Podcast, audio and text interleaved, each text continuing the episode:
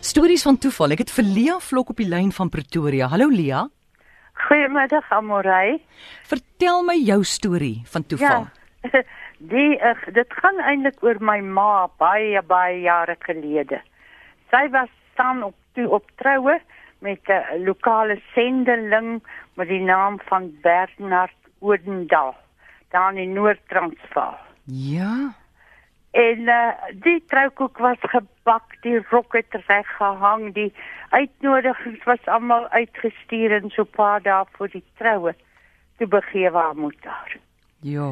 En sy kontak haar tannie in Pretoria reël dat sy soontoe kom. En tot die grootste skande van die familie, is sy toe op soek mekaar waar my oupa hulle gewoon het. Ja. Op die trein Pretoria toe. En op daai selfde trein ontmoet sy my pa. Nee. En dit dit is eintlik ongelowig.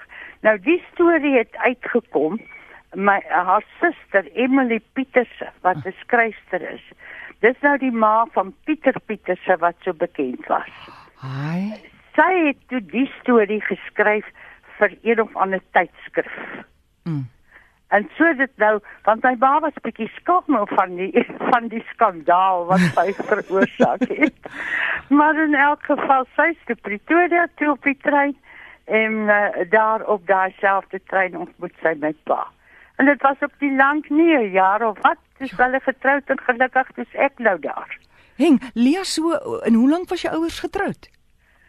O, het my pa was uh, in die 70 toe of 70 toe hy oorlede is en my ma 84.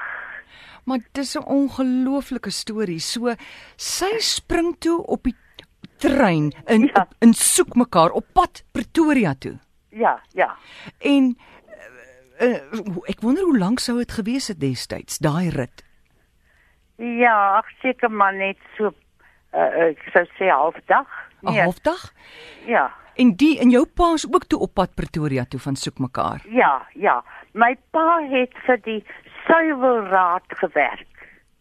Hy het 'n uh, uh, diploma gehad in in in uh, landbou of sweet.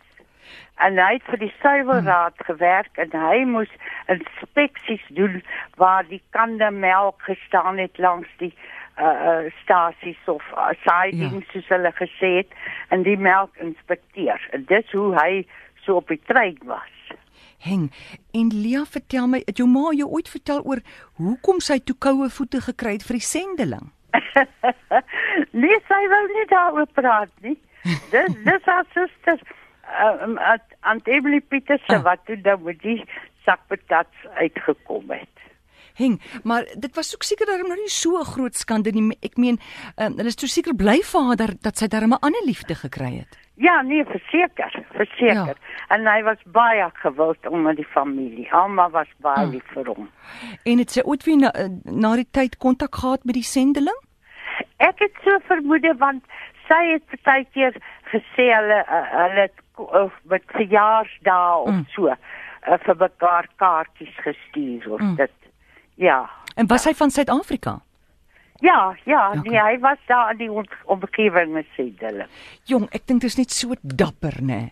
Om Ja. wie soveel mense het daai gevoel voordat hulle trou. Hulle hulle voel net ongemaklik. Hulle weet nie wat dit is nie. Dis reg. Maar Hulle nou- het nie die moed nie. Hulle het nie die moed nie want die koek is gekoop en die rok is gemaak en die familie is op pad. En die Ja. orgelis weet dat hy moet speel en dan en dan dink hulle wag wag wag liewer nie en dan gaan hulle deur met die storie in 10, 20 jaar daarna dan het dit nie gewerk nie.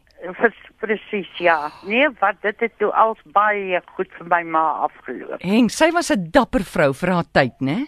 Ja, ja, nee, verseker. Oh, wat 'n wonderlike storie, Lia. Dankie dat jy my gebel het. Dankie Amorey, lekker aand verder. Selfde, totsiens. Totsiens.